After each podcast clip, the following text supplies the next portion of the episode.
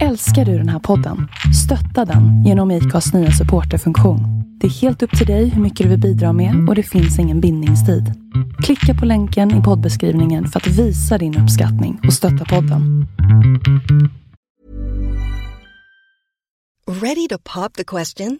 The jewelers at BlueNile.com have got sparkle down to a science with beautiful lab grown diamonds worthy of your most brilliant moments. Their lab grown diamonds are independently graded and guaranteed identical to natural diamonds, and they're ready to ship to your door. Go to BlueNile.com and use promo code LISTEN to get $50 off your purchase of $500 or more. That's code LISTEN at BlueNile.com for $50 off. BlueNile.com code LISTEN.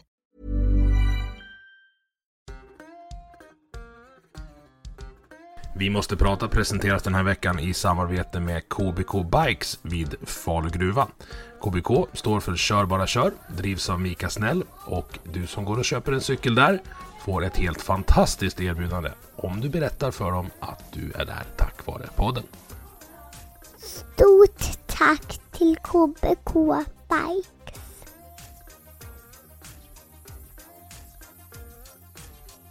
Ja, Eh, då ska vi se, min ligger sådär 1, 2, 3. min ligger Ja, inte, ganska det- låg. Ja, men det, det duger åt mig. Det här Ja, får, jag höjer får... lite till här så får vi se. Det blir nog bra. Fan, Så skön dialekt. Lite till. Lite till. Vad är du från då? Jag är från eh, Ludvika. Av alla Ja, ställen. tänk att jag hörde jag. Jag har en kompis Gjorde som heter det? Jag har en kompis som heter Helen som upprepade gånger på fyllan blir tvingad att säga uppblåsbar lyftmadrass och fruktcocktail. Det tycker vi är roligt. Va, varför då? Varför just de För orden? att det låter... Det är därför att U på Ludvika blir Y. Va? Det har jag aldrig, jag har aldrig hört. Däremot, Säg fruktcocktail då. frukt, cocktail. Ja, okej. Ja, det kanske är hon som har något talfel. Däremot så blir ju Ö, U, ofta. Eh, har jag märkt. Jag gick på stan i Ludvika nu för några, ett par dagar sedan och då var det en, en gubbe där som jag hörde som sa att eh, eh, de har uppat på söndag, söndagarna.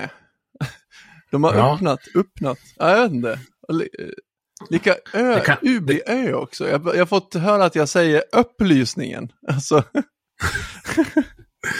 Ja, det är ett bra, bra ämne att prata om. ja. Eh, Malung är också bra på det där med, med egna bokstäver. Eh, Är det så? jag tror att det är ett, ett West Side-problem, om vi nu ska definiera det som ett problem.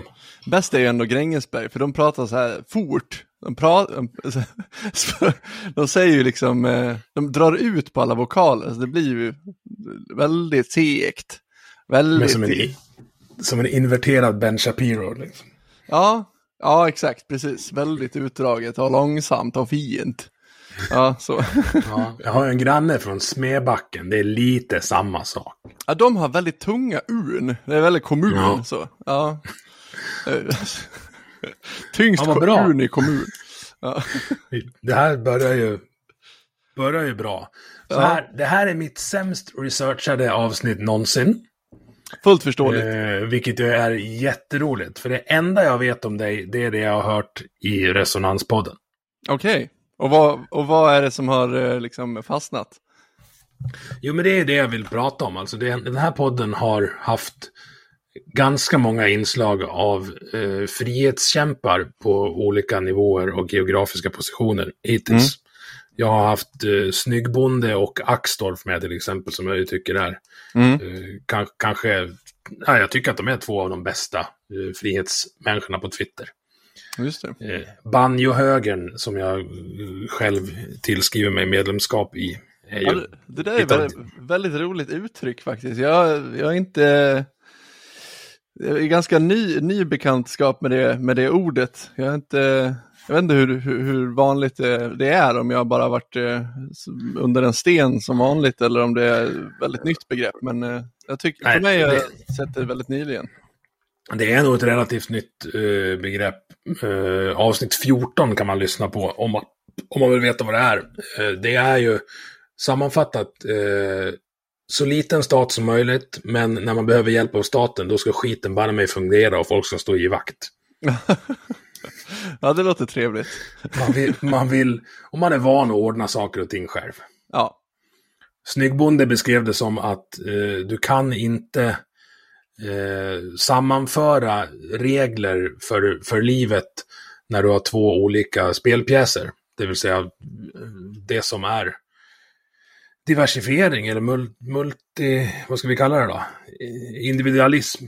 Mm. Han, han beskrev det att han har en, en kompis som hade en titanplatta i benet efter en motorcykelolycka. Och när han slog i benet på arbetsplatsen så tog hans chef en skruvdragare och satte tillbaks plattan.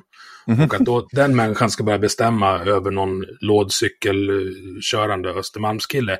Eller tvärtom. Mm. Det går inte. Nej, det är väldigt opraktiskt. Ja. om, man, om man bara ska vara praktiskt, eh, tala praktiskt så att säga. Eh, Vilket är lite av min definition av frihet. Men den tänker jag inte ge dig. Utan nu vill jag höra, eller så här. Vi, den här podden har ju börjat, om du inte märker det. Ja, jo. Eh, Så då säger vi välkommen till Vi måste prata till herr Fältskog. ja, Daniel Fällskog, det gör det. Daniel Fältskog från Ludvika. Ja, Eh, Vem är du då? Ja, Nu har jag ju inte bott i Ludvika på väldigt många år. Eh, Jag flyttade därifrån 2006, så att det är ju ett tag sedan. Men eh, jag menar, släkten bor ju kvar och släkten är ju från Dalarna sedan liksom, ja, så långt tillbaks jag har kollat. Det är ju kanske 400 år, eller hur långt kan man gå tillbaks? Det är ju liksom skitlångt tillbaks är släkten från Dalarna. Så att, eh, jag vet inte om jag är den första som har lämnat länet. Eh, Även, även över dagen. Ja, precis. Ja, men lite så. Förutom när de har släktingarna gått ner till Stockholm för att, för att Ställ, ställa, ställa, saker till rätta. ställa, visa vart skåpet ska stå, så att säga. Vart, vart Mora-klockan ska ställas, så att säga. Ja, men precis. Och ja, vad du sa, vem, vem är jag? Jag vet inte. Jag, jag är en eh, dalkar i själ och hjärta eh, som numera bor i Göteborg. Det är, väl, det är väl den jag är. Jag är musiker också. Och, Ja, eh, musikpretto till och med beskriver Ja. du det som på Twitter. Musikpretto är jag verkligen. vad är ett Eh. sånt? Eller hur är ett sånt? Alltså, ja, jag är väl en, lite av en besserwisser när det kommer till musik.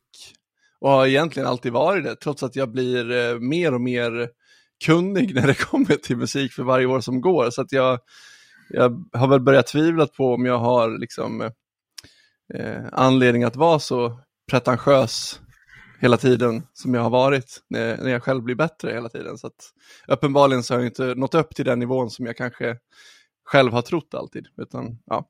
Pratar du om dig själv som lyssnare då eller som musiker? eh, framförallt som eh, lyssnare, eh, när jag benämner mig som musikpretto, skulle jag säga. Jag, ehm, Den naturliga frågan blir då, vad lyssnar man på då? Jag antar att det är mer Depeche Mode än Sabaton, för så brukar det vara hos musikpretton. Ja, jag vet inte så mycket syntare heller faktiskt. Alltså jag är inte med i den eh, riktigt det här, uh, alltså jag älskar ju syntar absolut. Eh, jag har väldigt många eh, gamla syntar hemma. Ehm, men det är ju mer, alltså, och det, då pratar du ju mer om den här gamla 80-tals, eh, Konflikten. Eh, ja, mellan hårdrockare och syntare. Och det, det är väl lite väl före min tid skulle jag säga.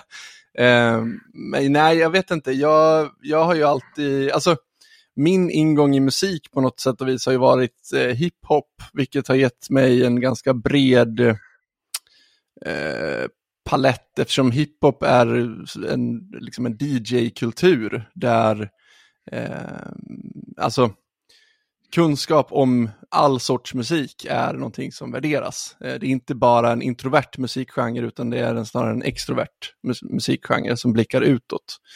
Eh, så att det föll sig väl naturligt då. Om man, om man liksom växer upp inom hiphop på olika sätt och vis, eh, att man lär sig väldigt mycket mer om andra musikgenrer också.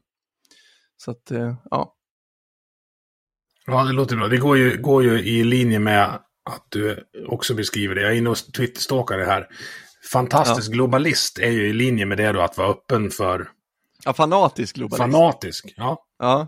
Ehm, ja, det där är lite kul. Jag, jag beskriver mig ju som, um, ja, vad står det nu igen? Um, eh, kallblodig, nyliberal och fanatisk globalist.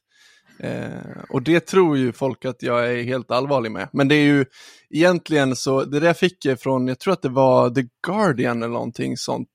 nej det var inte The Guardian, jag kommer inte ihåg vilken tidning det var, det var kanske en svensk tidning som eh, för ett år sedan när det var coronastrategis eh, diskussioner, vilken eh, strategi som var bäst då. Och då beskrev de att eh, Svens, Sveriges strategi eh, Eh, fick störst kritik bland de som är extrema åt något håll. Liksom. Att extremvänstern tyckte att det var en kallblodig nyliberal eh, liksom, approach till corona, att, att, ge fo att folk får ha kvar sin frihet och göra lite som de känner bäst i sina egna liv. Och de som var extremhögern tyckte att det var eh, fanatisk globalism på något vis. Liksom.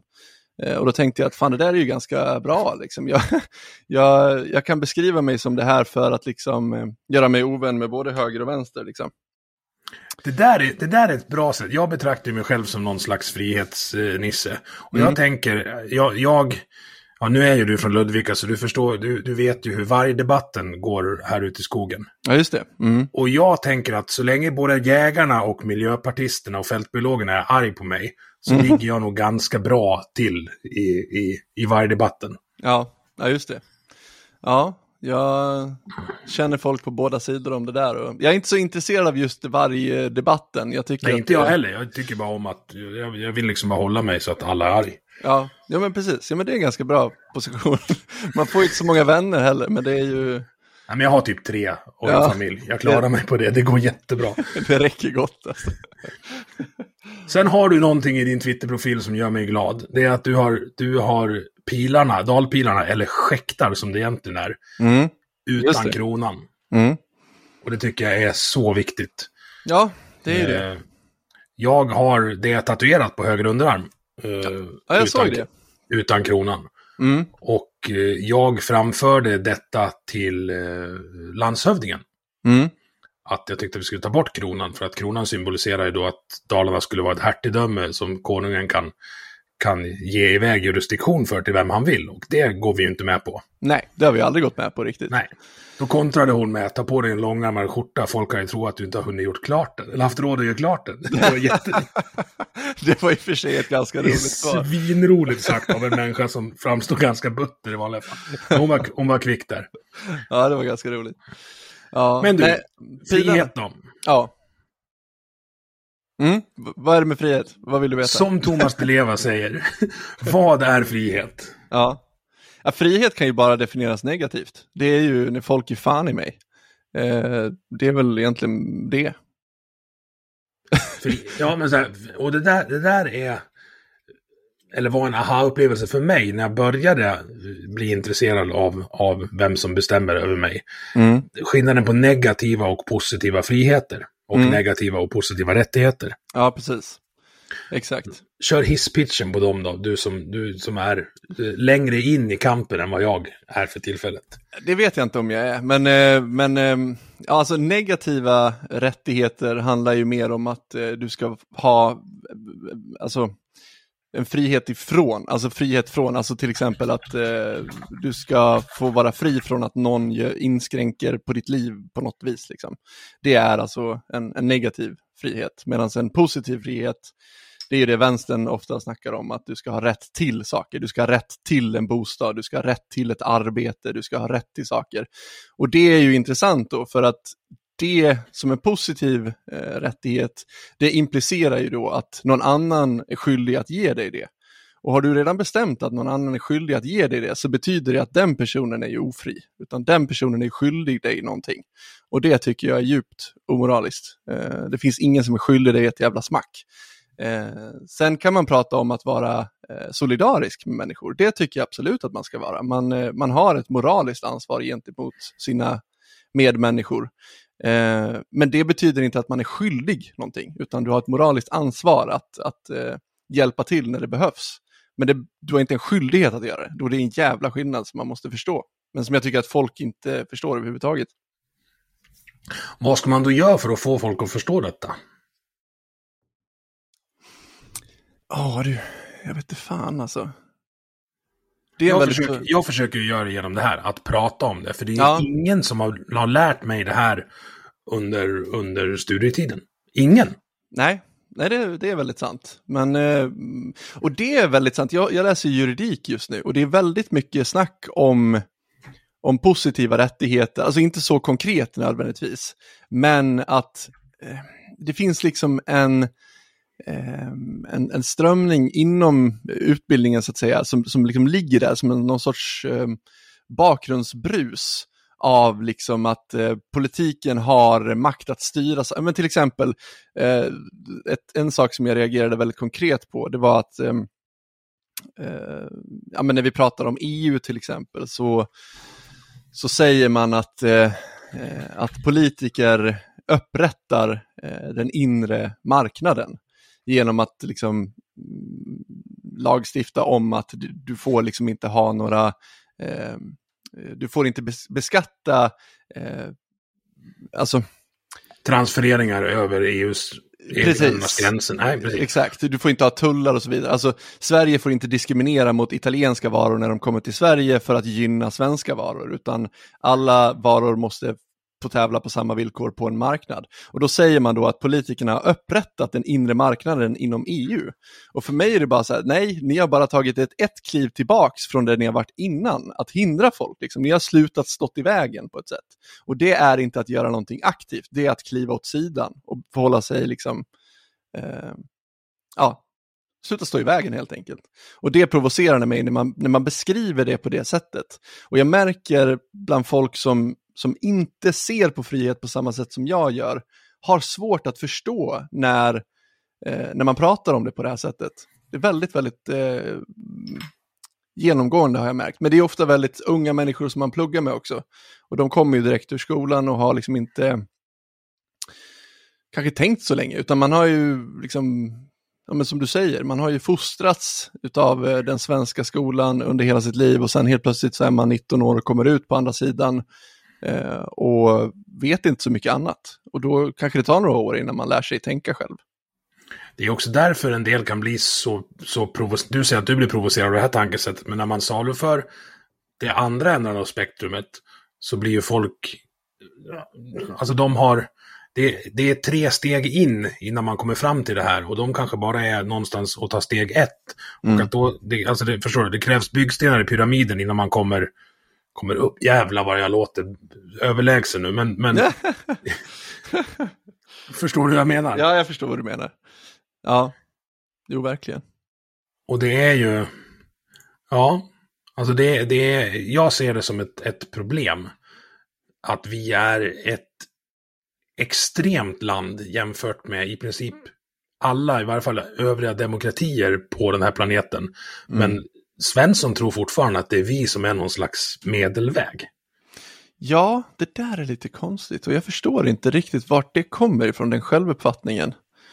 Um, det, det, det, är för mig väldigt konstigt. Man tror ju liksom att uh, Centern är ett centralt parti på något vis, eller att sossarna är ett mittenparti. Mm. Uh, men jag menar i en, i en globalare kontext, eller i alla fall om man ser liksom inom uh, um, Europa eller om vi väger in USA då framförallt så, så är ju de, ja men det är ju ganska extremt åt vänster eh, på många sätt. Och då blir det roligt när de, när de liksom hurrade och sköt champagne för Joe Biden nu. Ja. Alltså, går man igenom de sakpolitiska grundinställningarna från Joe Biden och Annie Lööf så finns det ingenting gemensamt. Ingenting. Nej. Jag har inte gått igenom så mycket vad Joe Biden står för. egentligen. Jag är lite Nej, deprimerad när det kommer till amerikansk politik. Ja, jag med. Alltså det... Eh, jag tror det blev sämre när de, när de bytte president nu faktiskt. Mm. Och det är, jag är ganska ensam om den åsikten i min bekantskapskrets. Mm. Men det, ja. vilket leder oss in på nästa punkt i det här. Eh, svensk media och framförallt public service brukar du och eh, din poddkollega Frans gå ganska hårt åt ibland. Ja, Ja, det där är också en sån grej som jag har märkt när du är inne på det, just det här att svenskar tror att vi är så jävla middle of the road. Men jag menar, kollar man, lyssnar man på SVT, alltså det finns ju, det finns ju få liksom, medier som är så uppfostrande och liksom ja, men uppfostrande i, sitt, i, sin, i sin ambition att eh, eh presentera någonting överhuvudtaget. Och jag tycker att de har kanske blivit lite, lite bättre på det, för jag tycker att de var mer extrema för typ tio år sedan egentligen. De har ju Eh. blivit konkurrensutsatta via internet, så de har ju varit Ja. tvungna att flytta på sig. Precis, så kan det vara, jag vet inte. Och sen har de ju fått väldigt, väldigt, väldigt mycket kritik, senast som, eller framförallt de senaste åren, eh, för just det. Något som de aldrig riktigt har eh, erkänt överhuvudtaget att, eh, att det ligger någonting i. Men eh, det märks ju att de försöker anpassa sig lite grann, men eh, Ja, jag vet inte. Jag tycker att det är problematiskt att ha public service överhuvudtaget för att jag tror inte att det är möjligt att vara eh, opartisk i, eh, och samtidigt så breda som de försöker vara. Jag menar, du kan inte ha liksom, alltså det, du, du skulle möjligtvis kunna presentera nyheter kanske eh, på ett någorlunda opartiskt sätt. Det tror jag nog ändå skulle kunna vara möjligt eventuellt. Jag har inte riktigt tänkt klart den tanken, men möjligt att du skulle kunna göra det. Men jag menar allt, allt det andra, de, de försöker ju liksom konkurrera på alla marknader så att säga. Eh, och det, det går inte att vara opartisk. De, de har liksom gett sig in på ett, på ett eh, på ett uppdrag som är helt omöjligt att, att klara. Så att på det sättet så tycker jag nästan lite synd om dem, att de, eh, att de försöker göra det. För det, är- ja, det är dödsdömt. Vad är det som gör det dödsdömt då? Eh, Är det för att uppdraget i sig inte går, eller är det för att de har det här uppdraget i Sverige? Alltså frågan är ju hur de tänker. Alltså så här, det går ju att vara opartisk i, i, så, i den bemärkelsen att du presenterar en massa olika, alltså att du har en bredd i hela ditt utbud. Att du har liksom, eh, Eh, att du låter ha liksom, eh, säg att du skulle ha Lamotte eh, som har ett eget program och sen har vi liksom eh, Historieätarna har sitt program och sin vinkel och Full patt eller vad fan de heter har sin grej liksom. Alltså att du har en liksom, eh, variation kring de som jobbar på eh, public service. Så skulle man kunna ha det, att, man har, att det är vinklat i de här små öarna, men sammantaget så finns det en bredd så att säga. Eh, men jag tror inte att det är det som är deras mål, utan de tror ju på något på allvar att de jag tror inte att det är deras mål i alla fall. Eh, utan jag tror att de tänker med att i varje liten enskild grej ska vi försöka vara opartiska. Eh, problemet är ju bara då att varje gång de liksom sticker ut åt något håll så är det ju alltid åt vänster. Så är det ju. Kolla på Full Patte hur fan det såg ut, liksom. eller kolla på historieätarna. När de sitter och säger att eh, Sverige var det bästa landet vi har varit eh, 1980 och man längtar tillbaks till, till just den tiden när Sverige var så jämlikt och så vidare. Bara det att liksom jämlikhet, oj, nu måste jag slå ihjäl en mygg här. Det är så jävla mycket mygg här. Jag sitter precis vid Dalälven och det är helt sjukt alltså. Um, nej men eh, vart var jag med historieätarna? Att det var bra på 80-talet. Eh, Ja. Kassler, Kassler med ananas. Ja, ah, fy fan. Ja, ja, alltså och jag har inget emot 80-talet på många sätt, men, men just det här äh, vurmen för jämlikhet och att staten på något sätt ska garantera det och ju större staten är desto jämlikare är vi och nej, eh, den tanken är ju, är ju supervänster. Liksom. Jag håller inte med om den tanken eh, och jag tycker att det är djupt problematiskt att det presenteras som eh, opartiskt av, eh, i public service. Jag vill sticka iväg åt, åt två håll utifrån det du sa. Eh, för det första, alltså jag tror inte att public service per se måste vara dåligt. När svenska public service-bolagen bildades så var BBC en eh, stor förebild. Och tittar man på BBC, framförallt underhållningen, den är ju väl, alltså de går hårt åt makten där på ett sätt som, Mm. som eventuellt Svenska nyheter har varit och, och nosat på lite. Eller helt apropå. Nu kanske jag är lite äldre än dig, men kommer du ihåg helt apropå? Nej, jag känner igen namnet, men nu ringer Ja, men här, tänk, tänk om Galenskaparna hade gjort Svenska nyheter och gjort satir av politiken. Det var riktigt bra. Mm. Och framförallt om man kollar på språket på, ja men säg QI eller Mock the Week eller Eight Cats Does Countdown i, i, eh, på brittiska public service. Så Mm. har ju de liksom stand-up-komiker som skulle få Mr Cool att bli generad om man, om man satt och tittade på det. Mm. Som är med i deras public service. Mm. Jag har svårt att se att Anton Magnusson skulle få ett, ett satirprogram på, på SVT 1 klockan 22 en, en lördag. Ja. Och vad tror du det beror på? Jag tror det beror på, eh, alltså jag är inget fan av, av uttrycket politisk korrekthet, men jag tror det beror på att man är rädd att, att bita den hand som föder den.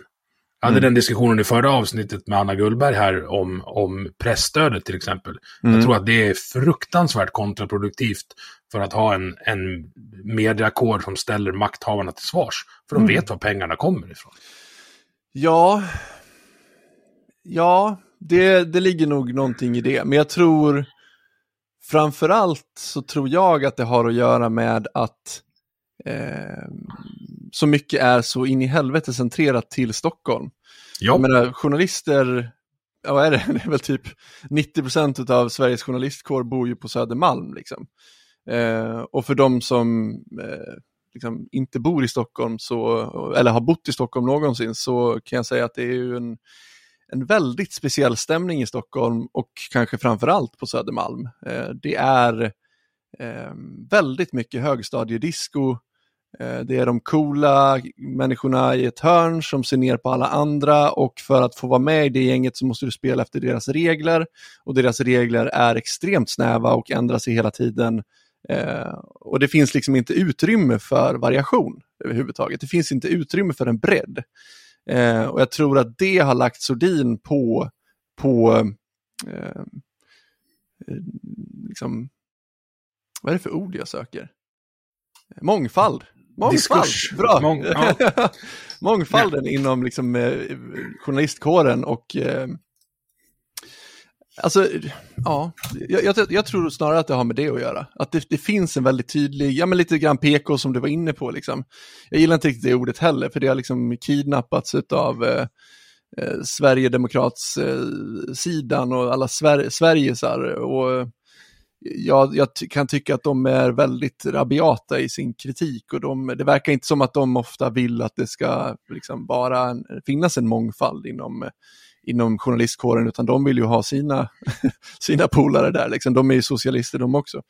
Ehm, Mångfald i journalistkåren handlar ju mycket om mångfald i utseende och ursprung. Ja. Inte, inte åsikter. Precis.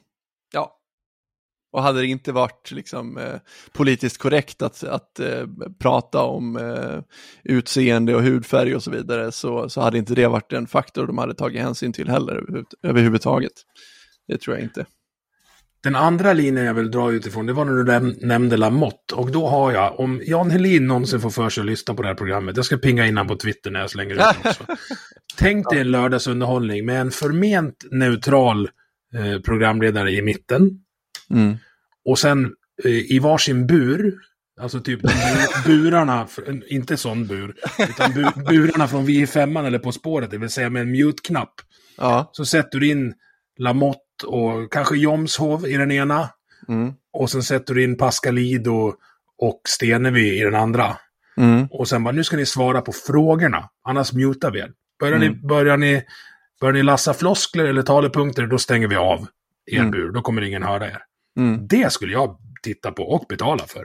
Ja, av rent underhållningsmässiga skäl skulle jag nog kanske också titta på det. Men samtidigt så är jag lite trött på de här, eh, jag vill inte säga liksom dum-debattörerna, men alltså det jag hade velat sett. Eh, Jag tyckte det var ett jävla bra eh, uttryck för Pascalido och Lamotte faktiskt. Ja, jo men kanske. Men, men, men just det här, äh, jag saknar liksom ett debattformat i Sverige. Alltså vi har, jag har sagt det här i, i våran podd också tidigare och Frans höll väl inte riktigt med mig, men jag skulle vilja säga att vi har inte debatter i Sverige. Vi, vi har eh, det här skrikiga jävla Sverige möts, där man bjuder in sådana där personer som får Mm. liksom stå och skrika till varandra. Och det, det är liksom ingen debatt. Vi vet, jag tror inte att svenskar vet vad debatter är för någonting Nej. faktiskt. Jag skulle vilja ha en panel, eller två paneler med två liksom, väldigt kunniga ehm, eh, sidor om en fråga.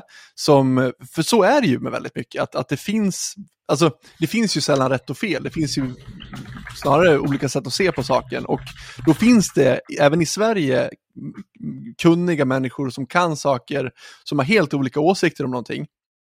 Att låta dem debattera eh, ett väldigt avskalat eh, ämne, eh, eller en fråga för den delen, eh, med en moderator eh, och liksom med respekt, med liksom he hela den biten.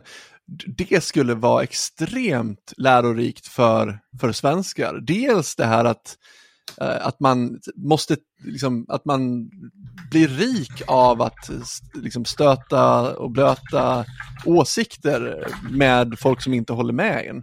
Eh, och liksom visa respekt för att andra människor inte håller med en och har en annan infallsvinkel. Eh, och faktiskt att lära sig lyx, lyssna på auktoriteter i, i olika frågor. För jag tror att vi är extremt eh, dåliga på, alltså så här, jag är också, alltså jag är ju rebellisk i min natur så att jag kanske låter lite motsägelsefull nu. Men jag skulle säga att vi har en, eh, en, en, eh, en konstig inställning till auktoriteter i Sverige.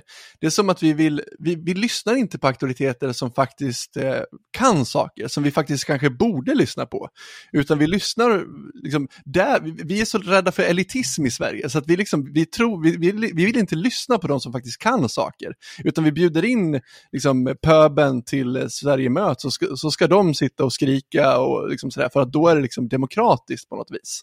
Det är liksom någon konstig, konstig inställning. Det hade varit bra för svensken att lära sig lyssna, inte okritiskt, men lära sig lyssna och lära sig saker av folk som kan saker. Det hade varit någonting. Sverige möts är ju ett, en fantastisk, eh, ett, ett bra exempel på när public service misslyckas med sitt uppdrag. För det har hetat Sverige möts, det har hetat Opinion live och det har hetat Debatt. Det är samma upplägg, samma studio, samma programledare, men man tror att det ska bli bättre för att man byter namn på det. Ja, men var det inte det att man, att man insåg att fan, det här är ju ingen debatt, det här är ju liksom pöben möts, men vi kan ju inte döpa det till pöben möts så att vi döper Nej, men då Sverige. kanske, man, då kanske man borde ha gjort om det till debatt i typ det formatet du nyss beskrev. Mm. Istället för att byta namn på det. Jag är Mm. allergisk mot det, för det tycker jag är, är, liksom, det är, det är den dummaste formen av signalpolitik. Att Mm. så här, ja men städarna har det för jävla jobbigt på vårt jobb. Ja men vi kallar dem hygientekniker. Vi, Mm. vi, Ja, ändrar, vi ändrar inte på arbetsuppgifterna eller villkoren eller lönen. Men vi Mm. kallar det något annat så kommer de må bättre av det. Mm. Jo, just det. Pissdumt. Mm. Eh, Men det programformatet du beskrev nu, det är ju enligt sändningstillståndet ungefär vad public service borde syssla med. Ja, man tycker ju det. Alltså det, det, för det hade ju varit bildande på, och opartiskt på ett sätt, eftersom du låter två sidor stöta och blöta liksom. Ehm, och inte liksom skriver folk på näsan, så här ska du tycka, det här tycker Södermalm om den här frågan, då måste vi kabla ut det till resten av Sverige så att svenskarna tycker rätt. Eh, vilket aldrig funkar i praktiken, utan det liksom retar ju bara upp folk och det gör ju folk till till liksom rabiata idioter ofta på landsbygden. Och det har man ju märkt nu när folk har fått tillgång till internet att jävlar vilka folk är galna på landsbygden och hur ska vi hantera det här helt plötsligt? Det är inget nytt fenomen att folk är galna på landsbygden, det har de alltid varit. De har bara fått en megafon nu att kunna skrika åt folk. Och då Ja, börjar man prata om hat och varandra. hot. Hat och hot! Varför blandar man ihop det? Det är en jävla skillnad på hat och hot. Ja, men det är en jävla skillnad på kritik och hat, men allting, så här, all, det, det är en sån jävla lätt exit om du får kritik för någonting du har gjort eller sagt. Och bara, nej, men den här näthatan tänker jag ha med att göra, blockmute, och sen slipper man, slipper man ta debatten. Mm. Ja. Väldigt Där, konstigt. där också nu efter eh, misstroendeförklaringen, Mm. alltså partiledare som inte ställer upp på intervjuer efter det här, borde Mhm. ju inte vara partiledare. Nej, det är väldigt konstigt. Det är väldigt konstigt. Stefan Löfven vill inte komma till studion utan skickar dit Damberg som säger rakt ut att det här begriper ju inte folket. Det här måste vi fixa åt dem. Ja, precis. Om det är liksom eh, den bästa representanten att eh, företräda Stefan, ja, då, då är det ju väldigt skönt att den här eh, misstroendeförklaringen gick igenom. alltså, men, men det är ju inte första gången Stefan Löfven inte dyker upp själv i eh, SVT. Eh, utan han skickar ju ofta de här eh, snyggingarna, Damberg eller eh, Morgan. Eller, De vet ju att han, att han kanske inte är jättebra i just det formatet, vilk, vilket... Alltså så, här, det, så är det väl, man behöver inte vara superbra på att debattera live för att vara en bra statsminister. Mm, nej. Men man borde ändå kanske träna på det då genom att göra det. Ja, precis. Ja, men vad fan, du är ju statsminister. Du ska ju kunna stå till svars. Det är ditt jobb. om du, om du är dålig på det, då ska du inte vara statsminister. Det är väl ganska enkelt, tänker jag. Innan vi ger oss in på regeringskrisen så vill jag koppla tillbaks till, till eh, någonting du nämnde. Du nämnde jämlikhet. Hur definierar du det? Och är det ens eftersträvansvärt? Oj, det är ju en jättesvår fråga. Ehm, man brukar ju skilja på jämlikhet i utfall och eh, jämlikhet i, i möjlighet. Ehm, och det är ju... Det är en jävla skillnad. Ja, det är en jävla skillnad.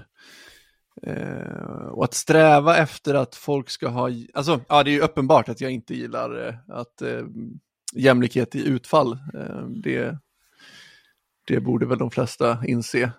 Men ja, jämlikhet... fast jag tycker att de flesta gör det, för att jag tror inte att man pratar om det på det sättet. Man pratar om jämlikhet och allas lika värde som två självklara begrepp som alla ska ha liksom en gemensam uppfattning om. Mm. Men det är, två, det är väldigt olika skillnader, eller det är, det är väldigt stor skillnad mellan det. Mm. Som du säger, alltså utfall och, och möjlighet. Ja, precis. Alltså utfallstanken är ju väldigt mycket, oh jävlar nu har jag fästing på mig. Fy fan vad äckligt. Måste häva ihjäl den, vänta nu. Jag har ett eh, tennisracket med el i här. Ja, ha inte det på dig själv. Nej, men vänta nu. Jag lyckades, här, vänta nu. Vill att ni tar en stund och uh, lyssnar på Fältskog i bakgrunden samtidigt som ni tänker på alla fästingars lika värde. Ja, fy fan. Usch. Jävlar alltså. Jag har aldrig haft en fästing på mig. Nej, inte jag heller. Men, Nej. men och, för jag tror fan inte att det finns några fästingar i Dalarna. Eh, men Våra nu, katter har två per dag, så det Ja. finns de. Men Jo, de gillar nog inte min blodgrupp. Nej, nej usch, nu kommer jag av mig helt. Vad, vad pratade vi om?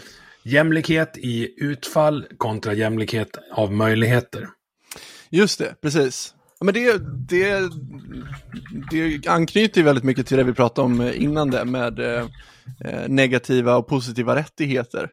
Alltså, alltså jämlikhet i, i möjlighet, det handlar ju mycket mer om att eh, ingen ska kunna hindra dig från att göra det du vill överhuvudtaget. Men det betyder ju inte nödvändigtvis att, kom, att du kommer nå dit du vill nå. Men för att du ska kunna nå, eh, ha rätten att nå di- dit du vill nå, så måste någon annan liksom, se till att du får det. Och det implicerar att eh, du måste diskriminera andra människor. Så därför är det fel, helt enkelt. Mm. Det, är, det är egentligen samma svar på den frågan, skulle jag säga. Jag har en sexåring här som ska börja förskoleklass till hösten och då har Mm. jag läst på lite om läroplaner och eh, andra styrdokument på skolan. Just det. Och jag fastnar på någonting som kallas för skolans kompensatoriska uppdrag. Okej. Och det handlar om Det att... låter oroväckande redan där. Ja, det är jävligt oroväckande kan jag säga. Det handlar om att skolan ska kompensera för, eh, ja men så att skolan ska kompensera för eh, socioekonomiska och medfödda eh, skillnader. Okej. Och då är vi ju på jämlikhet av utfall helt plötsligt. Ja, ja, verkligen.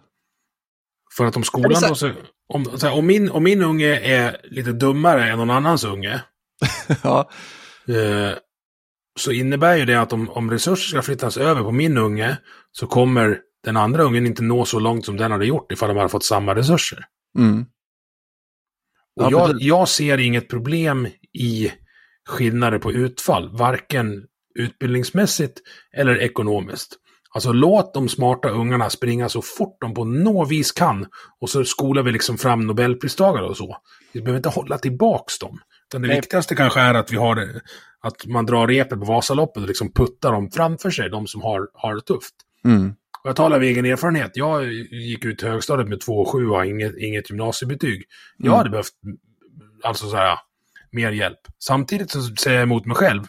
För den som, den hjälpen hade ju transfererats från någon annan som kanske hade gjort, tillgodogjort sig de lärartimmarna mer än vad jag gjorde. Så jag vet Ja. inte riktigt hur man, hur man ska hantera det där. Jag har inte tänkt klart.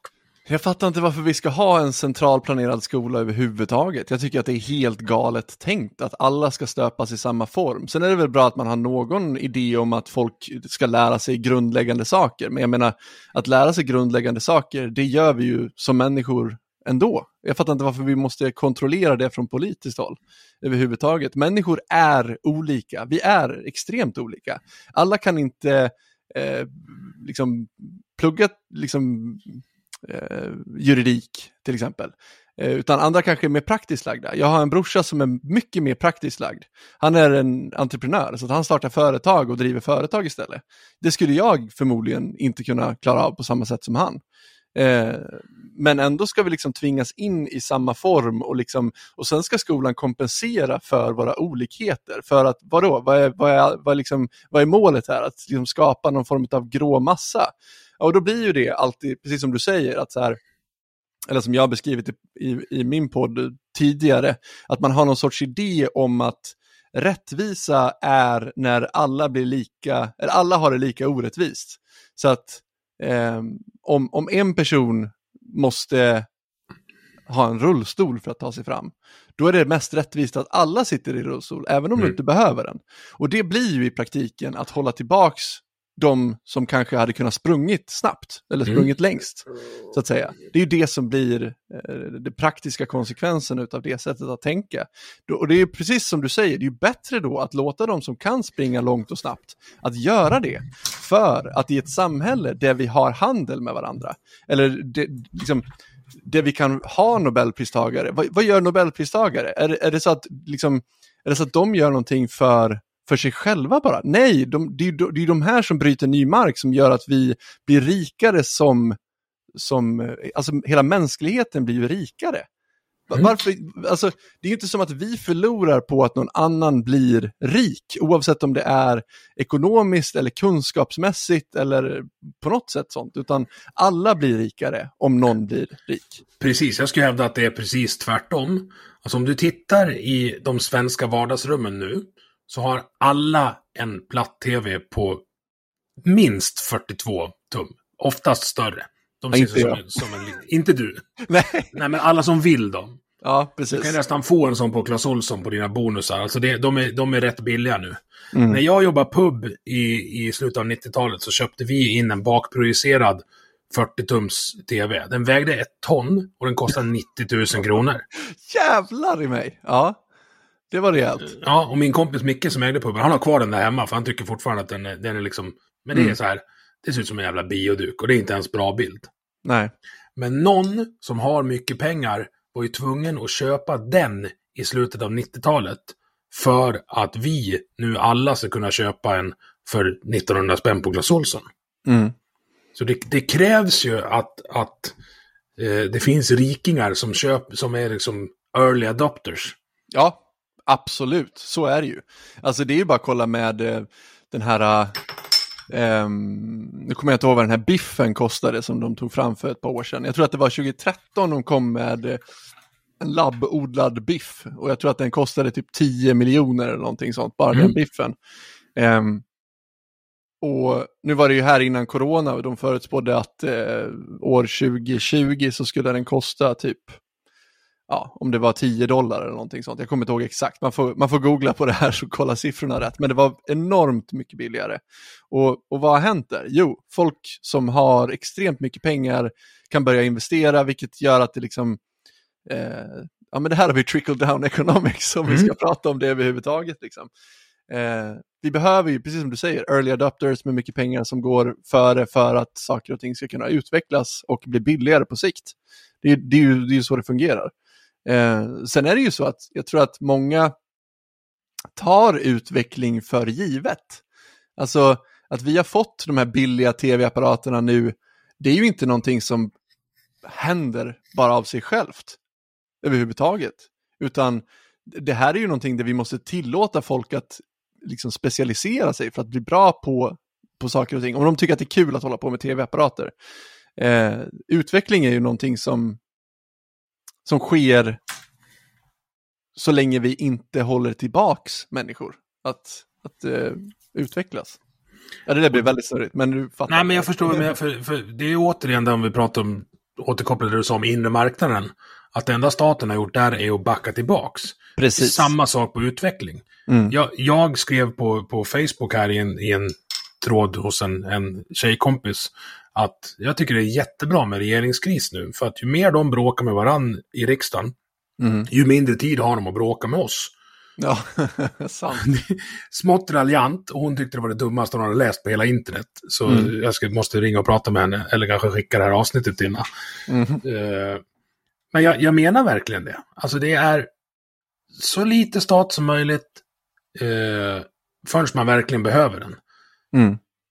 Jag tycker att, att det optimala för mig skulle vara en stat som utgår ifrån att folk kan ta hand om sig själv och hjälper de som inte klarar av det.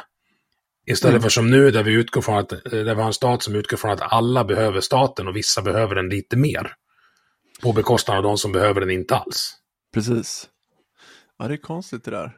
Vi har ju verkligen ett, en grund i att staten har ansvar för allt.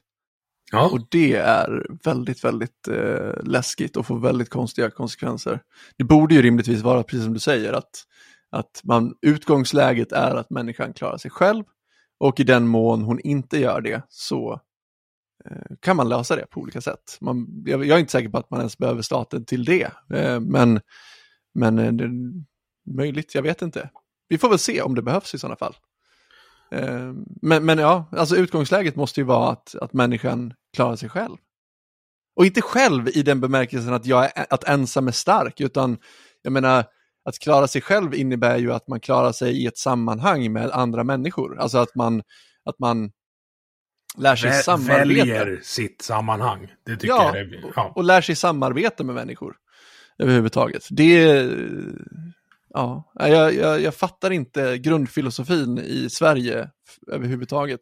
Men jag tycker, precis som du säger, jag tycker att det är bra om vi inte har en regering. Eh, av, om inget annat, bara den enkla anledningen att i den nya pandemilagen så står det att det är regeringen som får fatta beslut om eh, lockdowns. Eh, och har vi ingen regering så antar jag att det är ingen annan som får göra det heller, så att det är ju skönt. Jag är, jag är kluven där. Alltså jag tycker att vi skulle ha agerat snabbare eh, i början av pandemin. Alltså att, att vi lät folk flyga hem från Italien och sen springa rakt ut i tunnelbanan, det tror jag inte var så jävla bra för Sverige. Nej. Nej, jag vet inte. Alltså, så här, jag, jag tycker ju att eh, staten har en uppgift att skydda sina invånare, men däremot så vet jag inte om staten har en uppgift att skydda sina invånare mot liksom, förkylningsvirus. Jag tycker att någonstans så... Nej, mot, alltså mot sjukdomar. Alltså, det, det öppnar upp dörren för väldigt mycket obehagligheter, skulle jag säga. Ska staten hålla mig från att röka för att eh, skydda mig själv från liksom, eh, lungcancer eller cancer överhuvudtaget? Det beror lite Nej. på vad du röker. Ja, precis. Exakt. Det är ju väldigt uppenbart liksom. Så där, där är vi redan. Ja. Eh, Det, det är bara tillåtet med de cigaretterna du får cancer av i Sverige, vilket är väldigt motsägelsefullt. Men det, det tyder ju också på att eh, ju fler som gör någonting, desto svårare har de att trycka till de människorna. De gillar ju att trycka till minoriteter. Eh, men nu börjar minoriteten som röker annat, eh, sådana här eh, jazzcigaretter, de börjar ju bli fler och fler och det börjar bli mer, mer och mer accepta- accepterat att överhuvudtaget prata om det. Och det är inte lika ett stort trauma, märker jag bland svenskar, eh, att prata om det eller att, eh, att folk överhuvudtaget brukar narkotika överhuvudtaget. Det är inte ett så stort trauma, för jag tror att, och det är liksom den största, eh, största hindret eh, vi har mot, av, eller för, eh, mot avkriminalisering. Det är att det finns en jobbig magkänsla kring narkotika hos svensken. Eh, och den tror jag vi håller på att nöta bort. Och det tror jag är en väldigt bra, väldigt bra utveckling. mm. Alltså det är så mycket mygg och skit här alltså.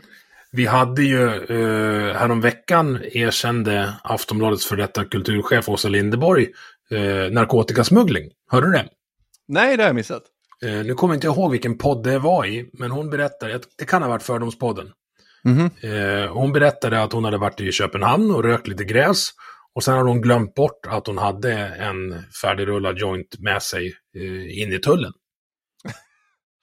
Ajabaja! Mm. När var det här? Ja, det här var, jag vet inte när det var hon gjorde det. Jag ska försöka att leta rätt på, på det och eh, får jag tag på det så klipper jag in det nu. Mm. Mm. Eh, vilket skulle vara första gången jag redigerar någonting i den här podden. För det gör jag väldigt sällan, utan det är bara ra, raka samtal. Så din myggjakt kommer vara med oklippt, bara så du vet. Ja, allt mitt eh, babbel om ingenting, när jag inte hittar ord och... Jag tycker ju själv inte att jag är så bra på att prata, jag är ju bättre på att fundera. Jag tycker du, du och Frans är, ni är nog topp tre på min poddlista måste jag säga. Oj, det var en ära. Jag tycker Frans är väldigt duktig och det är väldigt skönt med Frans för att han är så jävla social person och han är extremt duktig att bara liksom dyka upp och köra och babbla en timme och jag kan bara komma med små invändningar här och där. Ungefär som jag har gjort med dig i 48 minuter menar du. Så sälj dig, sälj dig inte för billigt nu. Kanske, jag vet inte. Ja.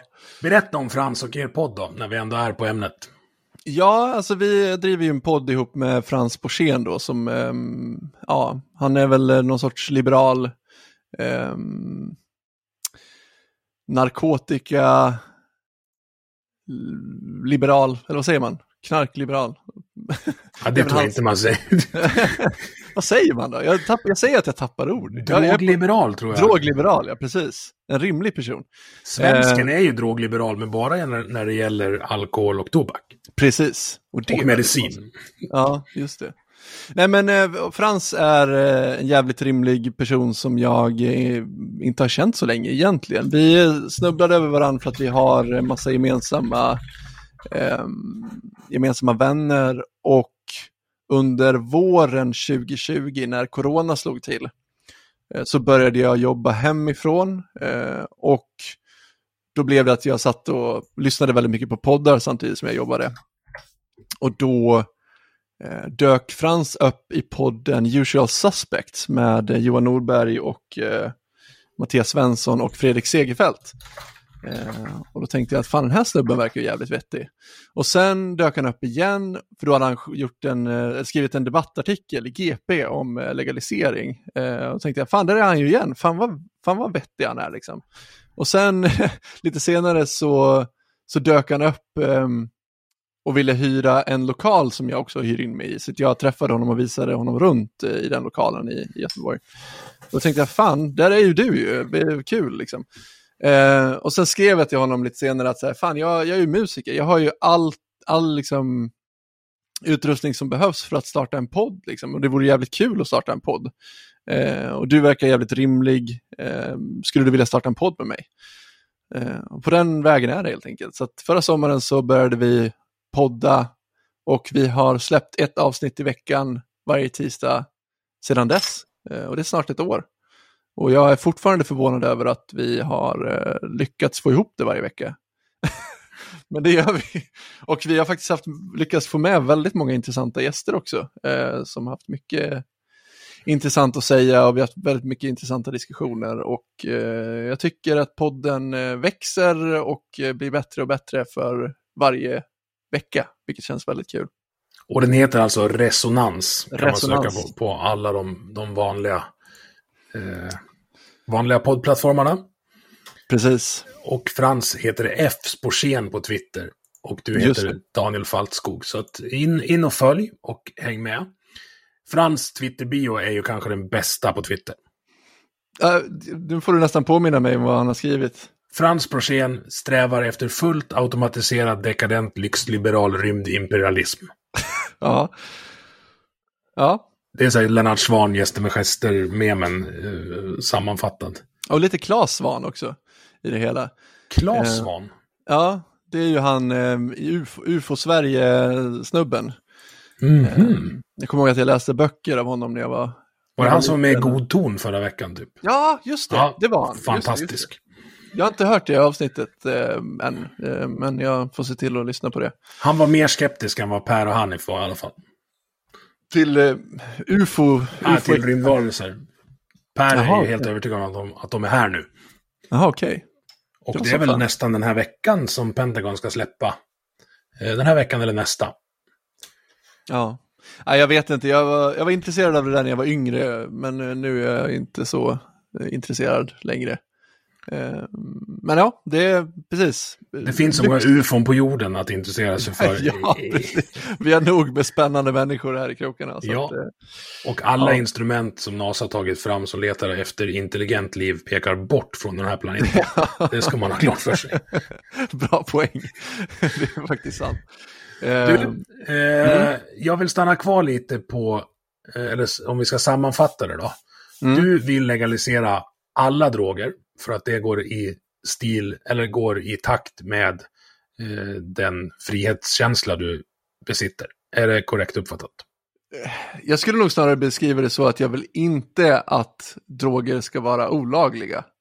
Eh, för att om man beskriver det som att jag vill legalisera så är det som att jag vill göra någonting aktivt och jag tycker inte att min position är den aktiva överhuvudtaget. Det är ju det som är problemet med Sverige ofta, att man lite grann som att man föds in i en bur och sen ska man behöva förklara varför man inte ska sitta i en bur, utan det ska ju snarare vara så att den som eh, har den aktiva positionen, den som tycker att vi ska göra någonting specifikt, har bevisbördan.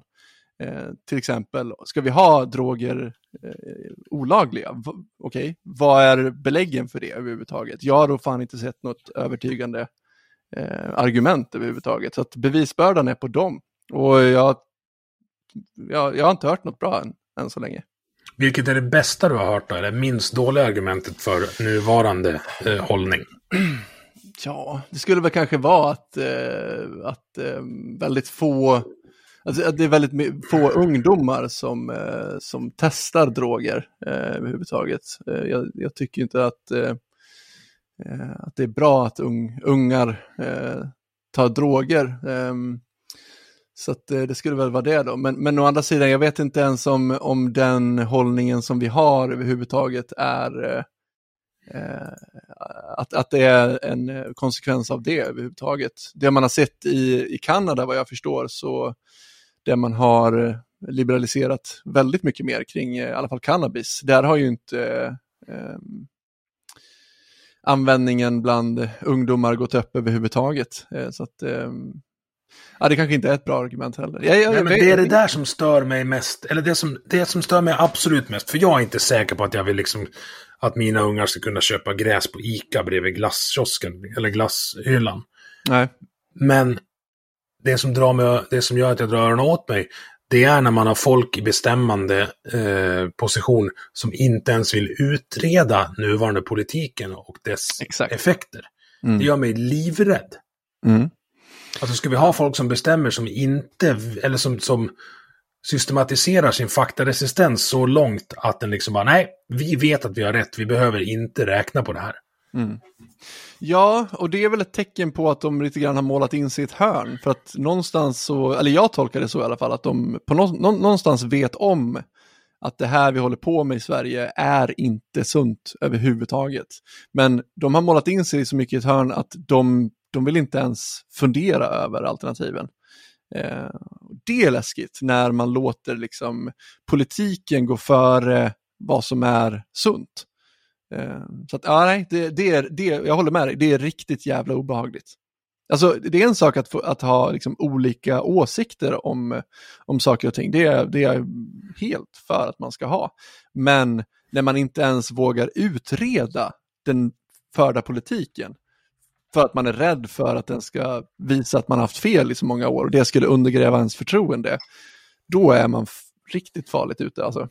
Ja, jag tror att du är rätt på det. De är så tungt investerade i att i, i det nuvarande systemet. Så en ifrågasättande av systemet skulle vara en ifrågasättande av, av ja, men hela deras legitimitet, legitimitet ja. som, som bestämmande organ. Mm. Ja, ja, visst. Det, och det är egentligen, jag har samma åsikter där när det gäller alkoholen. Mm. Uh, den vill jag kunna köpa på ICA. Ja, ja, visst. Varför inte? Nej, och varför ja, men, Och då kommer de vanliga argumenten så här, men Systembolagets utbud. Nej, det är fel. det, det, finns... Systembolagets utbud består av, av industritillverkade sydafrikanska smaksatta sockerviner som kommer in i bulk i liksom tankfartyg mer eller mindre och får ett, ett snyggt namn av Systembolagets marknadsavdelning. Och ett foto på Ernst Kirchsteiger på. Ja, eller GV. Ja, precis. Och det... Eh, men ett foto på midsommar, det får man inte ha på en öl, för då kan det uppmana till alkoholmissbruk. Ja, det där är så jävla sjukt. Har du haft bara, men ta bort bilden på GV då, för helvete. ja, precis. Du kan vara liksom halvalkad och professor, det vill vi ju inte göra reklam för. Inte halvalkad, han är, han är medveten periodare, han kör ju sex månaders perioder. Ja, just det. Gör han det nu? Ja, nu någon intervju med han gjorde, berättade ju det att ja, men så då super jag ett år och skriver en bok, eller ett halvår och skriver en bok, och sen är jag nykter ett halvår och spelar in Efterlyst. Det var liksom hans tids, tidshjul. Men kollar man på jämförbara länder, Alltså som Mm. i Tyskland, där du, som har en, Tyskland och Danmark som har en mycket mer frihetlig inställning till inköp och konsumtion av alkohol. Mm. Enligt den svenska logiken så skulle ju de ha högre dödlighet i alko med alkoholrelaterade skador. Ja. Men det har de ju inte. Nej. Nej, för att det här har vi ju samma sak. Här har vi liksom en, en statlig, liksom, ett statligt monopol som får liksom, skattepengar för att kunna eh, bedriva propaganda för sin egen sak. Det är ju helt sjukt. Alltså, du borde ha med Mattias Svensson i podden, för han är ju proffs på de här frågorna. Han är, Ja. han är ju, jag vet inte om du har läst eh, hans bok nu som han släppte för, förra året. eh, Så, roligt. kul ska vi inte ha det. Eller så roligt Ja. ska vi inte ha. Så Nej, men jag har hört han prata om den. Ja, det, det jag rekommenderar alla att läsa den boken. Alltså, in, inte bara för att den är väldigt informativ och att han, att han kommer med väldigt mycket eh, intressant fakta som, som man inte visste innan och, och historia bakom allt det här och så vidare. Utan han är ju så jävla rolig. Alltså han, det finns få människor som är så duktiga på att formulera sig i skrift som Mattias Svensson. Alltså, eh, ja, det, det är riktigt underhållande läsning på, på många olika plan. Eh, jag önskar nästan att jag inte hade läst den så jag kunde läsa den på nytt igen. Men jag får väl vänta ett par år så att jag har glömt bort den. Ja, det låter fantastiskt. Den finns som ljudbok, vad bra. Jag Ja, kör, just det. Jag, jag kör ju lastbil på halvtid, så det är helt underbart att veta det. Så den ska jag lyssna på. Ja, det, det låter ju perfekt. I sådana fall. Ja, nej men han, han kan ju det här eh, väldigt mycket bättre än jag. Men eh, ja, de, de cherrypickar ju sin forskning och vrider till argumenten och så vidare. Och jag kommer ihåg att jag störde mig på, på IQ redan när jag var liksom tonåring för att jag såg igenom den här propagandan. Liksom. Det, är- det är bara trams. Det är bara trams. Det där går igen i så mycket, tycker jag. Mm. Alltså att man, man målar upp, eh, i det här fallet cannabis, som men om du råkar gå förbi någon och dra i dig ett andetag av det här, så Mm. kommer du, inom en vecka så, så ligger du avsvimmad på plattan med en spruta i, i armen. Ja. Och när man, när man, lite raljant, men när, när man försöker trycka i ungdomarna det, Mm. och sen är det någon som provar, och så är det inte så, Mm. då, då raderar man ju ut även det som eventuellt skulle kunna vara en, en korrekt riskinformation när det gäller de här grejerna. Ja, ja, visst. Man kommer ju inte lita på den som har sagt det.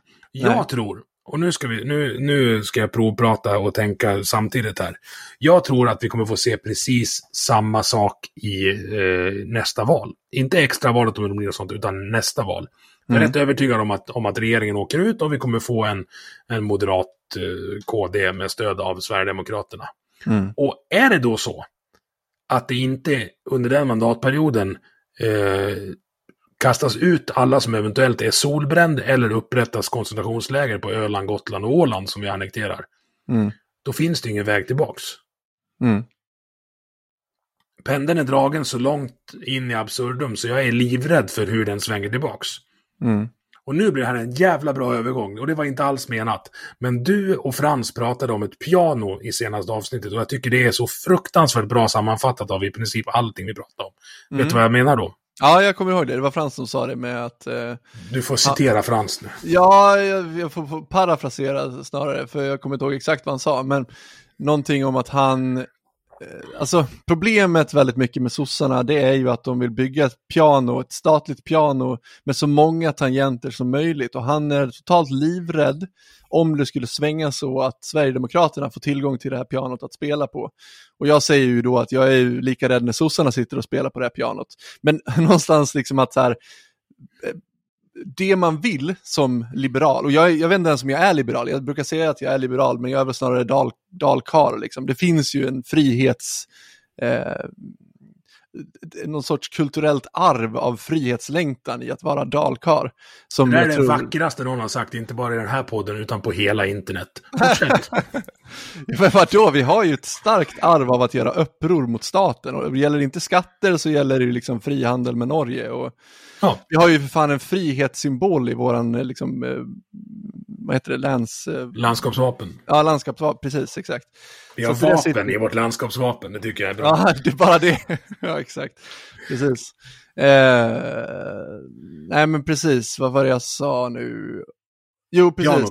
Ja, att man vill ju skala tillbaks statens möjlighet att, eh, att eh, eh, inskränka människors liv överhuvudtaget. Det, det är ju det som är argumentet och det är ju argumentet man ofta vill använda mot sossar och folk som är livrädda för Sverigedemokrater. Att så här, allt du tar dig rätten att göra kommer falla i händerna på någon som du är livrädd för. Men Mm. som får, de får samma rätt att göra det mot dig i sådana fall. Så att du måste förstå att eh, de här vapnen som du riktar mot folket, de vill du inte att någon ska kunna rikta mot dig. Alltså det här är ju egentligen en, en, en, en eh, evig sanning, gyllene regeln, att gör inte mot andra som du inte skulle vilja att någon annan gjorde mot dig. Det är precis, precis det. Fast där, så är inte den gyllene regeln.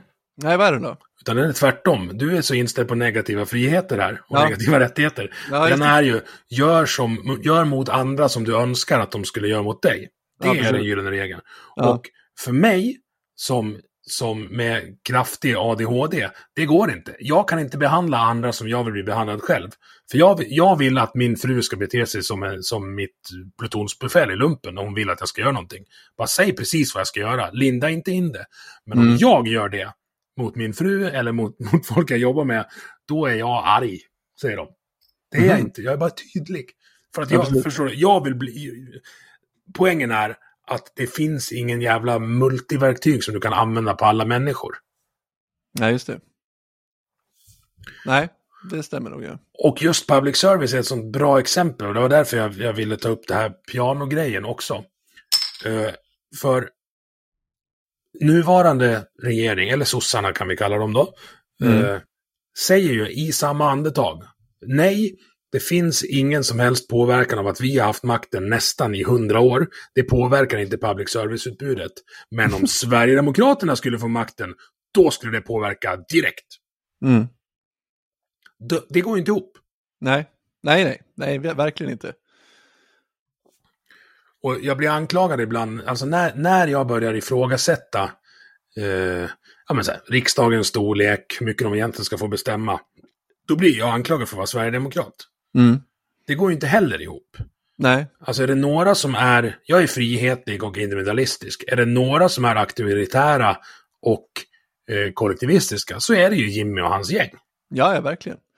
Ja, det, det, alltså, det, det där är konstigt. Alltså, men det är väldigt ofta för att folk på vänsterkanten tror sig vara en motpol till Sverigedemokraterna. Och för mig så är de absolut inte det. Det är, alltså det är bara, det de tror är en motpol, det är eh, någon sorts derby. Alltså det finns ju inga som är så, eh, liksom, i gasen än supportrar i ett derby. Och det är precis samma sak med vänstern och Sverigedemokraterna. Alltså, de hatar ju varandra, men det är ju för att det är ett derby. Det är ju, Mm. de, de, är, de är ju för fan så lika varandra så att det liksom är... Ja, nu har ju för sig Sverigedemokraterna blivit mer av ett högerparti, det, det, det har de ju faktiskt blivit, men, men tidigare. Jag menar, och jag tycker att det är lite konstigt med de här... Äh, jag kan tycka att det är väldigt konstigt med liksom, libertarianer som är eh, så in i helvete emot invandring. För att, alltså, du kan ju inte vara frihetlig och sen ha en åsikt om hur saker och ting ska vara på något sätt. Alltså, förstår du vad jag menar när jag säger så? Ja. Jag, jag, jag tycker att det är fullkomligt logiskt att vara sverigedemokrat eller vara sosse eller vänsterpartist och vilja stänga gränsen. Det är fullkomligt logiskt. Eh, för de vill kontrollera folk. det är liksom det de vill. Eh, men att vara frihetlig och att samtidigt vilja stänga gränsen. Alltså, jag, ska, jag vill skala ner statens makt att kontrollera eh, liksom folket överhuvudtaget. Men samtidigt så vill jag ha en stark gräns som liksom stänger inne och ute folk. Det är Mm. för mig helt oförenligt. Alltså, men det, för den sakens skull så, alltså jag tog det exemplet i, i min podd också, just det här att så här, när folk börjar prata om multikultur, så har jag alltid liksom så här, varför måste jag ha en åsikt om det här? För det är alltid liksom så här, om, om, man, om man tycker att så här, om man möter någon som säger att så här, jo men det är så jävla bra med multikultur, vi måste ha det, det är så sunt och det är så nyttigt för oss att vi får in invandrare som kommer hit och rör om oss tråkiga svenskar och det är så nyttigt och bra. Och då blir jag så här, men va, jag sluta, det här är, det här är liksom jag köper inte det överhuvudtaget, det argumentet, att någonting är nyttigt och bra för mig. Håll det borta från mig, tack. Och då blir de så här, är du Sverigedemokrat eller? Nej, Sverigedemokrater är ju de som säger att nej, vi ska absolut inte ha multikultur. Det är det farligaste vi kan, vi kan inte beblanda oss med andra kulturer, för de tänker inte som oss, de är väsensskilda från oss och de, vi kommer aldrig kunna leva sida vid sida och bla bla bla. Jag håller inte med dem heller, jag, jag har ingen åsikt om det här, jag vill inte styra eh, liksom kulturen. Jag, jag vill ha en naturlig, eh, liksom, alltså så fort du försöker kontrollera kulturen så dödar du kulturen. Kulturen är någonting som lever och frodas och förändras hela tiden. Så att, att ha en åsikt om vart kulturen ska gå, det är att döda kulturen, skulle jag säga. Och multikultur är ett sånt konstigt begrepp, för det är väl den enda sortens kultur som finns. ja, egentligen, precis. Så är det ju. Ja, blir du för, för, för stängd mot eh, influenser eh, så dör din egen kultur också. Ja, den, den inavlas bort. Så blir ja. det en monokultur och monokulturer dör. Precis. Alltså, jo, det behövs växelbruk. Det vet vi i banjohögen, för det har Snyggbonde lärt oss. Jaha, vad, vad, berätta. Nej, men så här, du, du kan inte odla potatis på en åker eh, flera år i rad, för då kommer åkern dö. Mm. Du måste, måste uh, ha olika grödor i olika intervaller. Just det. Det säger sig självt. Du vill inte äta fiskpinnar varje dag heller. Nej. Då kommer du få skörbjugg. Nej, precis. Variation är, är, är bra, så att säga. Ja. ja. Ja, men alltså, jag, jag, alltså och, och, det är ju det här, jag menar att det, kommer, att det, flyttar, att, att det flyttar folk. Alltså, det är ju det det handlar om i grund och botten, att folk flyttar. Jag har ingen åsikt om det, jag skiter i om folk flyttar. Varför ska jag ha en åsikt om det flyttar någon från Stockholm till Göteborg? Varför ska jag ha en åsikt om, om det flyttar någon från Köpenhamn till Göteborg? Varför ska jag ha en åsikt om det, om det flyttar någon från Damaskus till Malmö?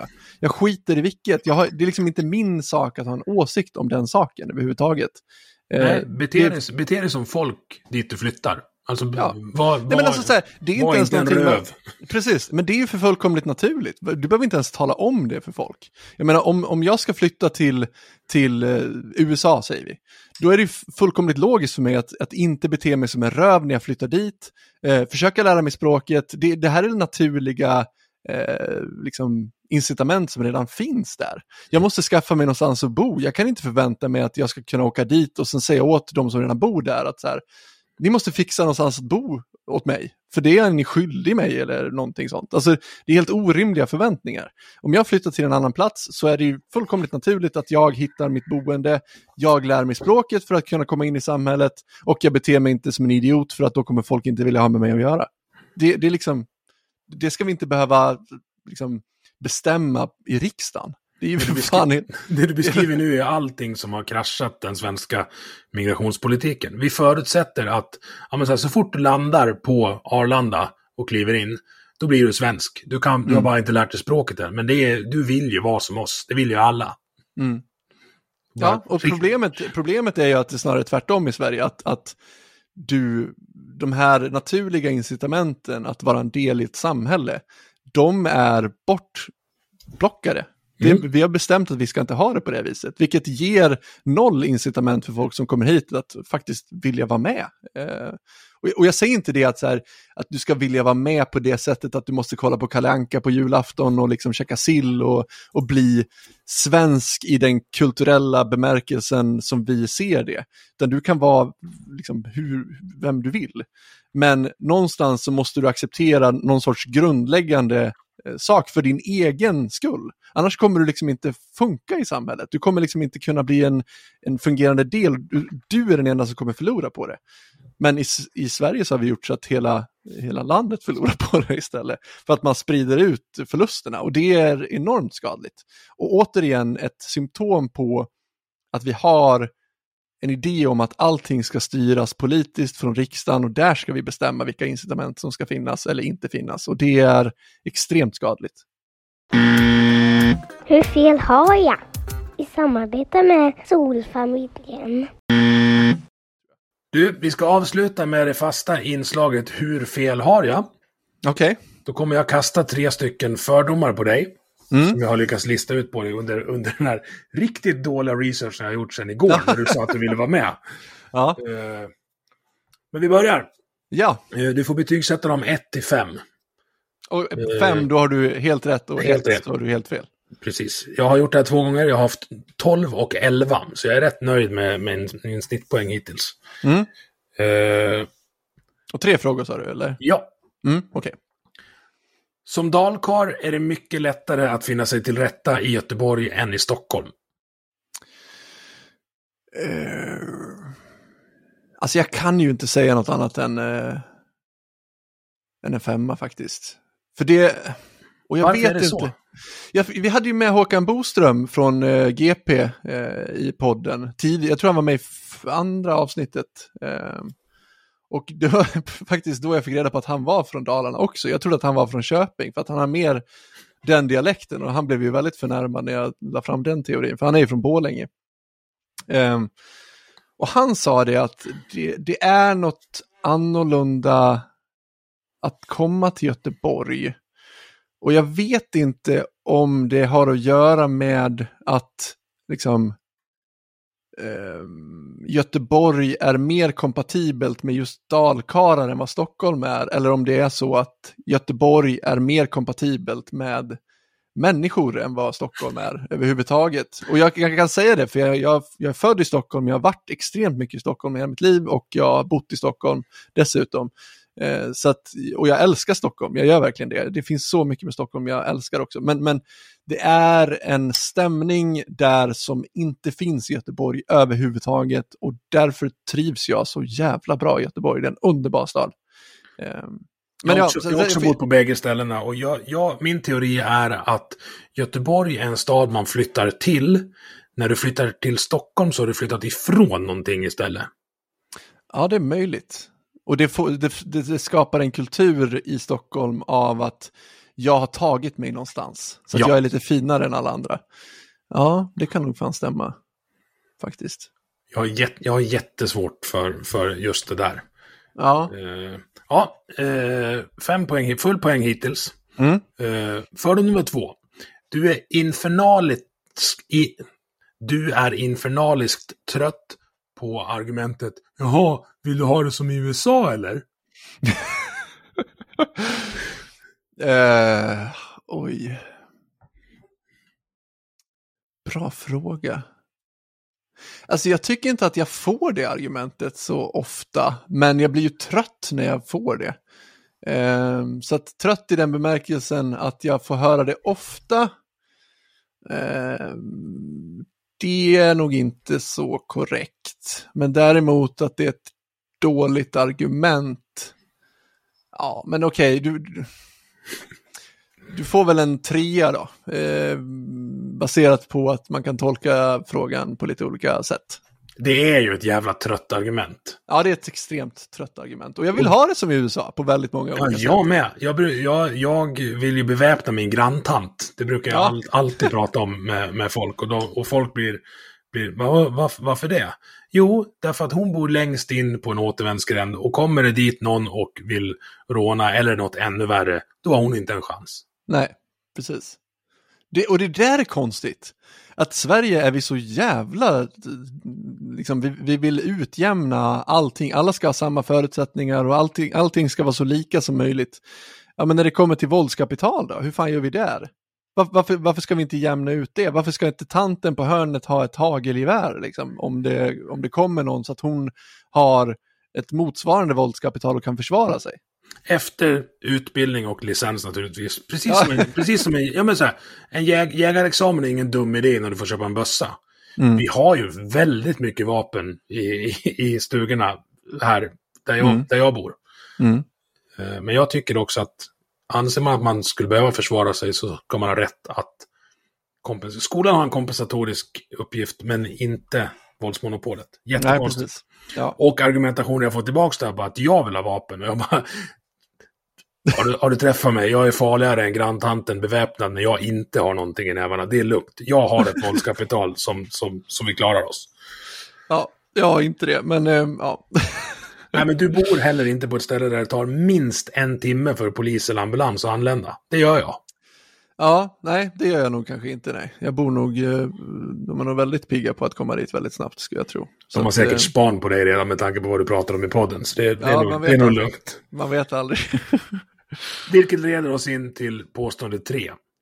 Du tror och hoppas att eh, kriminaliseringen av eget bruk är borta inom tio år. ja, det är fem på den. Självklart.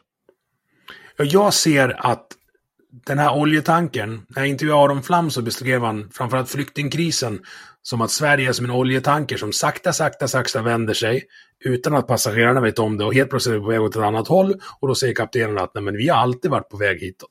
Ja, jo. Och det väl. finns ingen som behöver röka gräs mer än Morgan Johansson. Alltså, så, här, jag är ingen drogromantiker överhuvudtaget. Nej, inte jag heller. Jag, Jag jag, tar inga droger alls. Jag, eller förutom eh, alkohol då, som jag är väldigt glad i. Eh, men ehm, så, att, så att det, det- det där tycker jag är konstigt, att man får det argumentet. Man blir liksom misstänkliggjord så fort man tycker att man har en principiell eh, åsikt någonstans. Eh, att liksom, ja, precis som du säger, du, det är bara för att du vill eh, knarka, eller det är bara för att du vill göra det här. Och jag tycker att det säger mer om de människorna som kommer med de dåliga argumenten, än vad det gör om folk som har principer. Alltså nej, jag kan hålla isär två olika saker. Jag, jag är inte intresserad av att knarka överhuvudtaget, men jag tycker inte att det är en rimlig politik vi håller på med. Jag, jag, jag har liksom inget bra, jag förstår inte vad vi håller på med. Jag tycker att det är enormt skadligt, eller det är bevisligen enormt skadligt. Eh, och jag, jag förstår det inte överhuvudtaget. Det har ingenting med, med mina personliga val att göra. Men som sagt, det säger väldigt mycket om, om eh, de människor som kommer dragandes med de argumenten, att de är mer intresserade av att föra fram, liksom, ja, men de är mer intresseorienterade för vad de själva tycker är bäst för dem själva. Och då spelar det ingen roll vem som får lida efter vägen. Eh, och jag... Nej, icke-våldsprincipen är ganska stark hos mig. Jag bruk- Icke-aggressionsprincipen kanske man ska säga. Ja, om, ja, jag håller med om den om jag får tillägga att svensk lag slutar vid min tomtgräns. Ja. Du är, du är så libertarianslagd alltså. Nej men så här, jag har två döttrar och en fru.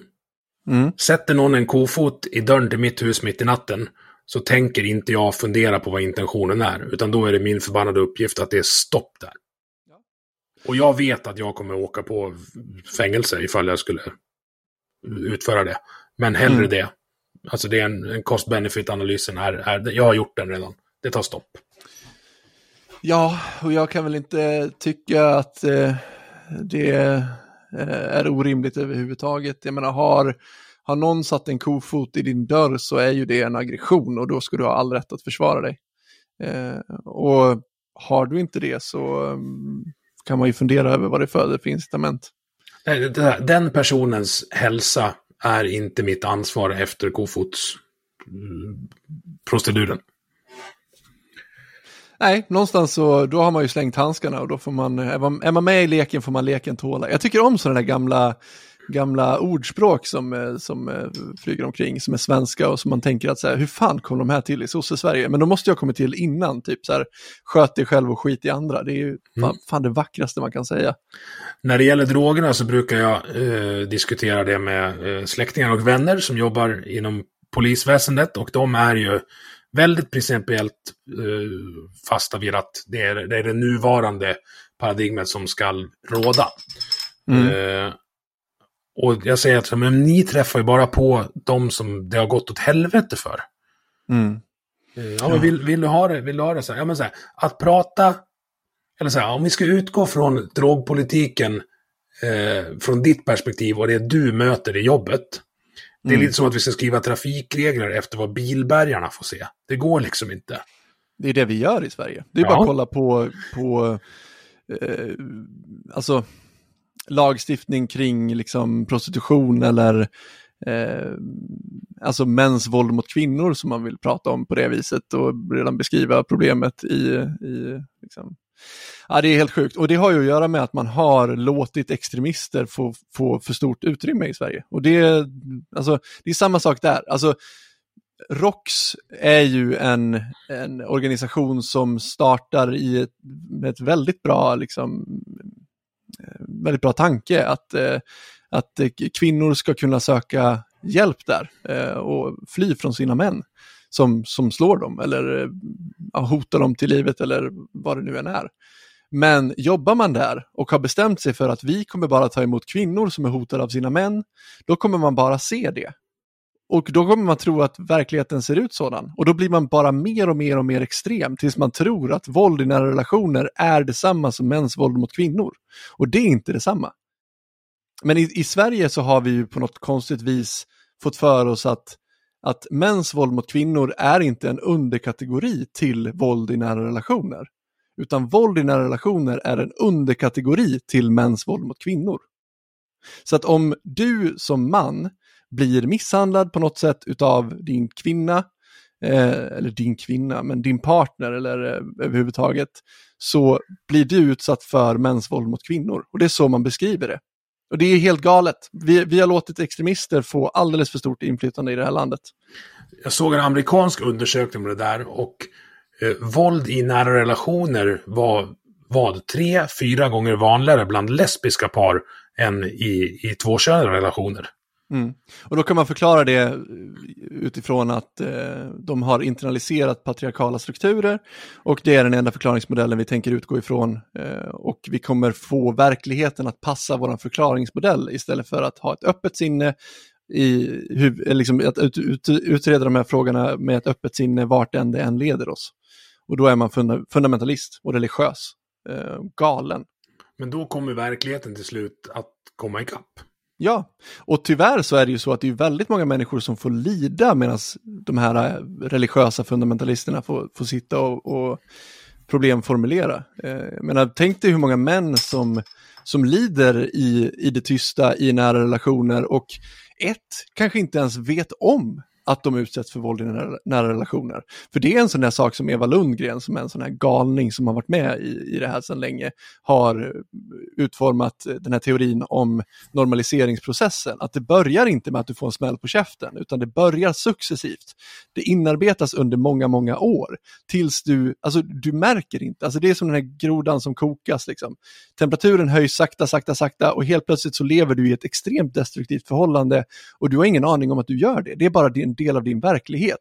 Men då har man ju eh, liksom arbetat för att förklara det för kvinnor och prata om de här problemen eh, för kvinnor, att så här, det här är någonting som sker över tid och du måste vara uppmärksam på problemen. Men för män har man inte gjort det, man har inte ens förklarat att det här är ett problem för män överhuvudtaget. Så tänk dig hur många män som lever på det här sättet och nu blir ju inte män lika eh, hög utsträckning mördare av sina partners som, eh, som kvinnor blir, men det händer.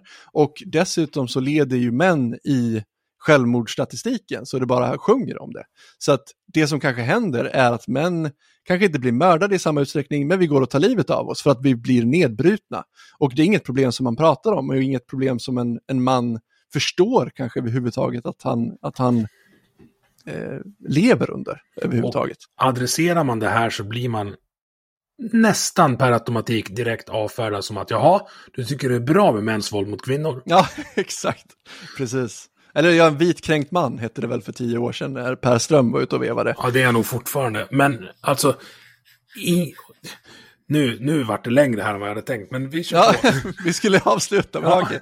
Nej, men så här, ja. Män i grupp är också någonting som framställs som det absolut värsta som finns. Mm.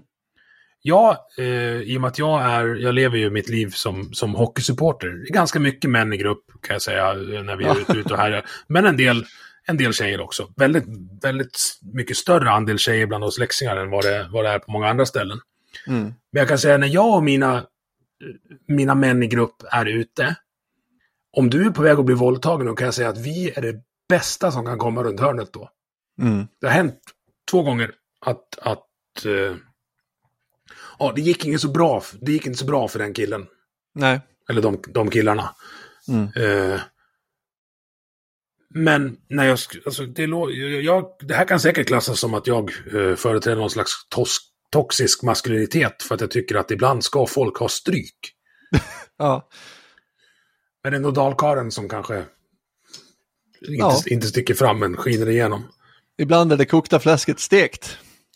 Också ett jättekonstigt uttryck. Ja, Eh, nej, men vad, vad, jag skulle, inte var det kommer ifrån. Ja, nej, förlåt, kör på. vad jag skulle vilja komma fram till, alltså, jag vet inte riktigt. Men det sammanfattar väl så det kan, det kan vara bra att ha ett eget våldskapital som människa. Just för att det blir, det blir svårare att, att kränka dig.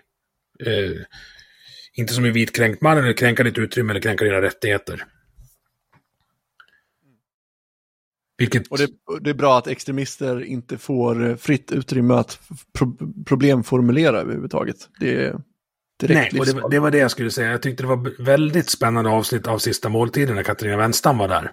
Mhm. Eh, när hon ifrågasatte varför gör ni män ingenting? Och eh, både Hanif Azizi och Mustafa Panshir sa, men vi gör ju saker. Alltså vi, så här, Varför gör ingen något? vi är poliser, vi åker hela tiden och, och försöker att styra upp sånt där. Och burar in de som, som brukar våld i nära relationer. Mm. Och jag menar, det finns ju ingenting som är så stigmatiserande, i synnerhet här på landsbygden, så får man reda på att någon misshandlar sin fru, så är den, den killen är rökt. Mm. För gott. Alltså det är Ja, så här, flytta Mm. Flytt. Ja, ja, men jag förstår till Stockholm.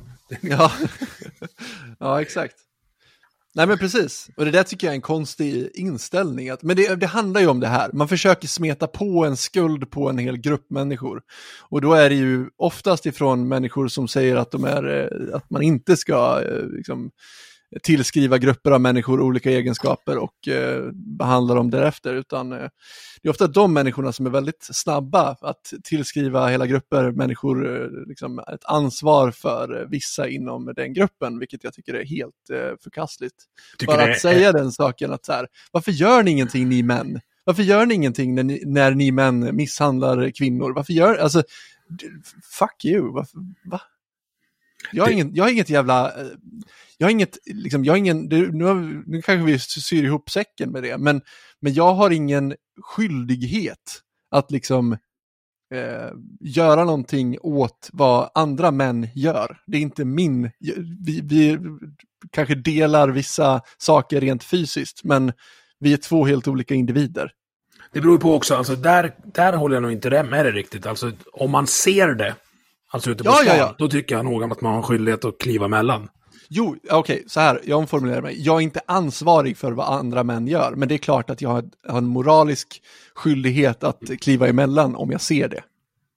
Det är påtagligt också, och nu kanske jag öppnar en maskburk eh, för att dra en anglosism, men det är påtagligt ofta jag upplever att de som pratar om mäns våld mot kvinnor och toxisk maskulinitet i nästa andetag kan påstå att nej men det är ingen skillnad på män och kvinnor. Ja, det är väldigt konstigt. Jag har ju pluggat genus, jag har ju läst... ehm, Hur var det? eh, det Det var att var... prata med klasskompisarna. Jo, alltså, alltså jag upplevde att det var, det här är ju ganska länge sedan nu, eh, det var på Göteborgs universitet, det var 2010 jag började plugga. Eh, och jag upplevde att det fanns en acceptans för mina åsikter där. Eh, det fanns en acceptans för att diskutera saker. Eh, det fanns inte det här eh, självklara svaren och liksom den här doktrinen som du måste acceptera för att annars så är du... Det är klart att det fanns de där också såklart, absolut, det gjorde det. Eh, jag kommer ihåg när jag var ute och drack öl med några stycken av dem, sen kom eh, en annan och drämde ner ölen i bordet och sa, var fan står du egentligen Daniel? Är du med oss eller är du emot oss? Och jag bara, okej, ta det lugnt. Ehm, Vad svarar du då? ja, jag Vilka, sa att, definiera oss. ja, precis. Ja, nej, jag kommer inte ihåg vad jag sa, men jag sa bara att jag, jag är inte med någon, jag företräder mig själv och jag har frågor. Ehm, nej, men jag upplevde inte att det var den psykosen eh, där och då. Eh, det gjorde jag inte, utan jag upplevde att det var ganska högt i tak faktiskt, vilket kan förvåna väldigt många, tror jag, när man beskriver det så. Jag tycker, jag tycker att genusvetenskap har fått ett ganska dåligt rykte. Eh, av den anledningen att många vill använda det till att göra politik av det. Ehm, och jag tycker att det kan vara lite... Ehm, ehm, eh, det är inte välförtjänt eh, på många sätt. Um, sen visst, det var väldigt länge sedan jag pluggade det um, och så vidare. Sverige är också Men- ett av få länder i världen som benämner det som vetenskap. Ja, det där är konstigt. Det borde ju heta gender studies, alltså studier. Liksom. Det handlar ju inte om vetenskap. Det är ju mer av någon form av filosofi och det upplevde jag även när jag pluggade att, att man vrider och vänder på saker och snarare ställer frågor utan att komma med säkra svar. Och det är definitionen av filosofi. Bard, Ja. Bard är jättebra på det där, just Ja. definitionen av filosofi, att han är inte ute efter att leta svar, han vill, ställa, han vill hitta nya problem. Ja, precis. Man är mer intresserad av problem och det, det tyckte jag verkligen att, eh, att eh, eh, det fanns gott om inom genus, genusvetenskapen, i alla fall när jag pluggade. Och jag kommer ihåg att vi blev presenterade liksom Petra Östergren, jag vet inte om du känner till henne. Nej. Hon är, eh, ja, kanske min favoritfeminist i Sverige. Hon är riktigt jävla grym. Jag tror att hon är någon sorts frihetlig vänster eh, människa. Eh, hon har skrivit väldigt mycket om porr och prostitution och sexköpslagen och hon är extremt kritisk mot eh, radikalfeminismen som eh, är väldigt påtaglig i Sverige. Ehm, men ja, henne bör man kolla in. Men jag kommer ihåg att vi läste en debattartikel av henne. Vi fick läsa det när vi, och, när vi pluggade och där hon eh, kritiserade eh, hon, hon lyfte fram hur tyska feminister såg på prostitution och kontrasterade det mot svenska feminister. Eh, vilket var extremt ögonöppnande för mig för att jag insåg att fan, feminist kan man ju vara och ha helt olika åsikter om saker och ting. Medan i Sverige så blir man presenterad att, ja, okej, men är du feminist då måste du vara så här. Så här smalt är spektrat liksom. Medan om man ser det mer globalt så är det betydligt bredare än så. Jag fastnar på det här att ja, men, feminism är jämlikhet. Och jag bara, men då hade vi inte behövt två olika ord. Nej, precis. Ja, det har varit en halvtimme extra nu. ja, vi får fan wrap it up. Du, Du får gästa, du får gästa våran podd sen. ja, så, så när kan ni vi- vill prata ja. banjo. Ja, verkligen. Och så vart det radioövergången här. Bo Banjo, du är musiker. Var kan man hitta din musik? Eh, Jag har ett musikprojekt ihop med min eh, sambo som heter Pomona Dream. Vi finns på Spotify, det är bara att kolla in. Ehm, Vi har, ehm, vad ska man säga, vi, vi har haft, vi hade ett, en snabb uppgång. Vi hade en manager i USA och var där och spelade massa och DJade för ett par år sedan tills vi bestämde oss för att säga upp eh, samarbetet med honom, vilket ledde till en konflikt på typ ett år. Så slutade med att han snodde alla våra pengar och försvann. Ehm, och sen dess har vi försökt liksom eh, samla ihop smulorna igen och eh, komma på fötter. Och komma med nya saker. Men däremellan kom ju eh, corona nu. Så att nu, nu börjar vi komma igång igen eh, och det känns väldigt, eh, väldigt kul. Så det kommer komma nya saker där också om man vill kolla in oss. Musiken är väldigt jazzig och influerad av hiphop, kan jag säga också. Ja, jag- inte min uh, forte, men jag ska ge dig en chans. Jag lovar det. Ja. Gör så. vad lyssnar du på för poddar när du lyssnar? Oj. Ehm, jag brukar lyssna på ledarredaktionen, eh, Svenska Dagla- Dagbladets podd. Eh, och eh, jag lyssnar på God ton också. Ehm, jag jag håller, inte, äh, jag håller inte med Hanif eh, särskilt eh, mycket, men det är bara för att han hatar ju principer och jag är ju extrem eh, principiell. Ehm, men däremot så tycker jag att det är en extremt bra podd eh, och jag tycker att Per är han är nog fan en av de bästa poddarna vi har i det här landet. Per är faktiskt stjärnan i den podden. Han, han går under radarn, men han, han är stjärnan. Jag diskuterade det häromdagen. Jag har försökt, han har fått tack, tackat ja, men nu, nu ghostar han mig. Så jag funderar på om jag ska skita i han och eh, få med Per istället. Ja, det, det, det skulle jag rekommendera att göra. Jag tycker han är skitbra. Ehm, men sen även, um, alltså jag, jag kan tycka att det är kul att lyssna på så Alex och Sigge ibland också. Eh, Där drar jag gränsen. ja, jag förstår det. Jag, jag vet inte, jag har, lite, jag har ofta svårt för de här kulturmännen som är så självgoda och världsförbättrare. Liksom. Det är väldigt svårt för sådana snubbar och, och det får man väl säga om båda dem, att de, de faller inom den kategorin. Men jag vet inte, jag, jag tycker att de kan vara underhållande ibland. Så att, eh, det är väldigt, väldigt brett jag försöker också vara bred. Jag försöker att lyssna på, på bägge sidorna av, av spektrumet. Alltså jag kan lyssna på God ton, Navid Modiri och eh, haveristerna samma dag i lastbilen. Då tycker jag att, Ja. och åsiktskorridoren från med Anders Lindberg, då vet jag att ja, det är, bra, men det är bra att utsätta sig för saker som man vet att jag håller förmodligen inte med. Ja. Det är liksom min filterbubbla, eh, sticka hål på verktyg. Det är inte ett ord som finns. Men, ja. Ja men det där är en grej med Navid också, jag lyssnar på, på hans podd också, hur kan vi? Um, men jag tycker han är så jävla präktig, jag tycker inte att alla ska kunna prata med varandra och att vi ska inte ha någon polarisering och att vi ska vara mysigt samhällsklimat där ingenting är tabu. Jag tycker att, jag tycker att eh, vi kan gott ha en, eh, en åsiktskorridor och det, det är kul att, att brottas med den. Framförallt pratar han väldigt mycket om att det ska skava, men det skaver fan aldrig i den podden.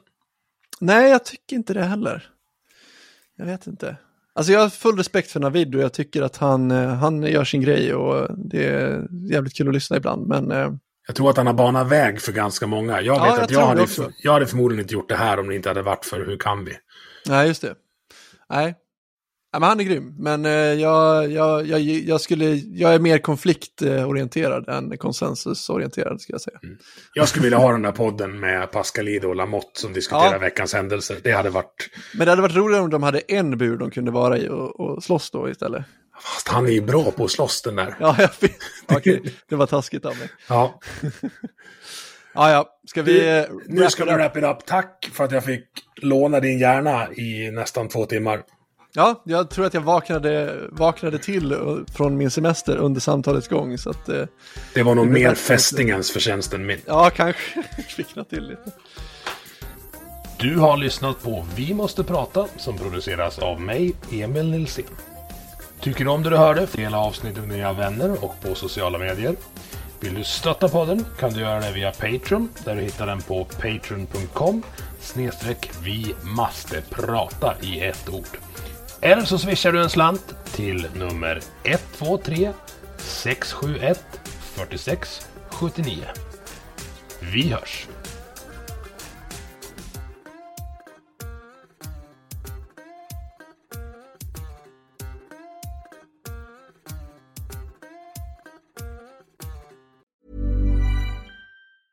A lot can happen in the next three years. Like a chatbot may be your new best friend. But what won't change? Needing health insurance. United Healthcare Tri Term Medical Plans are available for these changing times.